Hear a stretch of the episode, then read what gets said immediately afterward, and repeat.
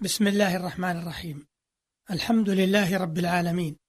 والصلاة والسلام على أشرف الأنبياء والمرسلين نبينا محمد وعلى آله وصحبه أجمعين. أيها المستمعون الأفاضل سلام الله عليكم ورحمته وبركاته. أما بعد فإن الحديث في هذه الحلقة والحلقة القادمة إن شاء الله تعالى سيدور حول موضوع من موضوعات فقه اللغة ألا وهو المترادف. ويسمى الترادف والمرادف أيضا. والحديث في هذه الحلقة سيتناول تعريفه والخلاف في وقوعه. أما تعريفه في اللغة فقد قال ابن فارس رحمه الله الراء والدال والفاء أصل صحيح واحد مضطرد يدل على اتباع الشيء فالترادف التتابع والرديف الذي يرادفك. انتهى كلامه. أما في الاصطلاح فقد عرف المترادف بعدة تعريفات متقاربة منها ما عرفه به الجرجاني حيث قال المترادف ما كان معناه واحدا وأسماؤه كثيرة. وعرفه بتعريف آخر فقال الترادف هو عبارة عن الاتحاد في المفهوم. وقيل توالي الألفاظ المفردة الدالة على شيء واحد باعتبار واحد. وعرفه أيضا بقوله المرادف ما كان مسماه واحدا وأسماؤه كثيرة وهو خلاف المشترك. انتهى كلامه. وقال السيوطي رحمه الله في تعريف المترادف قال الإمام فخر الدين هو الألفاظ المفردة الدالة على شيء واحد باعتبار واحد. انتهى كلامه. ومما قيل في تعريف المترادف هو ما اتحد معناه واختلف لفظه. وهو بهذا الاعتبار خلاف المشترك. فالمشترك هو ما اتحد لفظه واختلف معناه. ومن أمثلة المترادف السيف والباتر والعضب والصمصام والمهند وغيرها.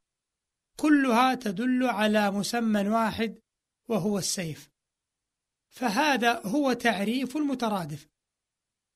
أما سبب تسميته فقد قال الجرجاني رحمه الله المترادف ما كان معناه واحدا وأسماؤه كثيرة وهو ضد المشترك أخذا من الترادف الذي هو ركوب أحد خلف آخر.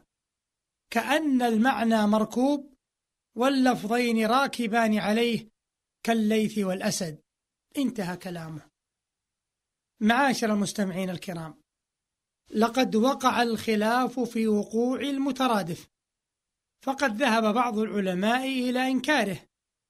قال السيوطي رحمه الله قال التاج السبكي في شرح المنهاج ذهب بعض الناس إلى إنكار المترادف في اللغة العربية وزعم أن كل ما يظن من المترادفات فهو من المتباينات التي تتباين بالصفات كما في الإنسان والبشر.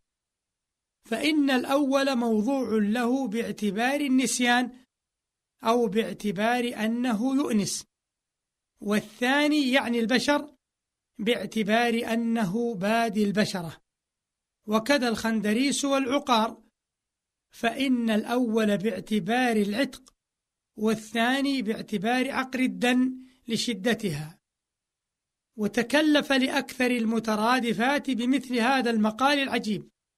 انتهى كلام السيوطي رحمه الله. وقول السبكي العقار والخندريس يعني بهما الخمر فالعقار والخندريس من أسماء الخمر. وممن قال بإنكار الترادف ابن فارس ونقله عن ثعلب. وممن قال بهذا القول أبو علي الفارسي. قال ابن فارس في كتابه الصاحبي في باب الأسماء وكيف تقع على المسميات؟ قال ويسمى الشيء الواحد بالأسماء المختلفة. نحو السيف والمهند والحسام. والذي نقوله في هذا إن الاسم واحد وهو السيف وما بعده من الألقاب صفات. ومذهبنا أن كل صفة منها فمعناها غير معنى الأخرى. وقد خالف في ذلك قوم فزعموا أنها وإن اختلفت ألفاظها فإنها ترجع إلى معنى واحد وذلك قولنا سيف وعضب وحسام. وقال آخرون ليس منها اسم ولا صفة إلا ومعناه غير معنى الآخر. قالوا وكذلك الأفعال نحو مضى وذهب وانطلق وقعد وجلس ورقد ونام وهجع. قالوا ففي قعد معنى ليس في جلس وكذا القول فيما سواه. وبهذا نقول وهو مذهب شيخنا أبي العباس أحمد بن يحيى ثعلب.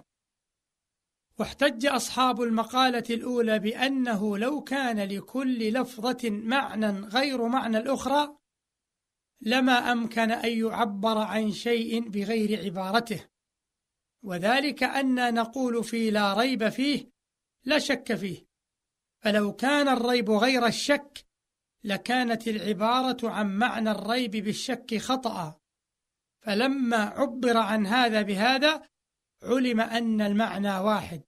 قالوا وإنما يأتي الشعر بالاسمين المختلفين للمعنى الواحد في مكان واحد تأكيدا ومبالغة. كقولهم وهند أتى من دونها النأي والبعد.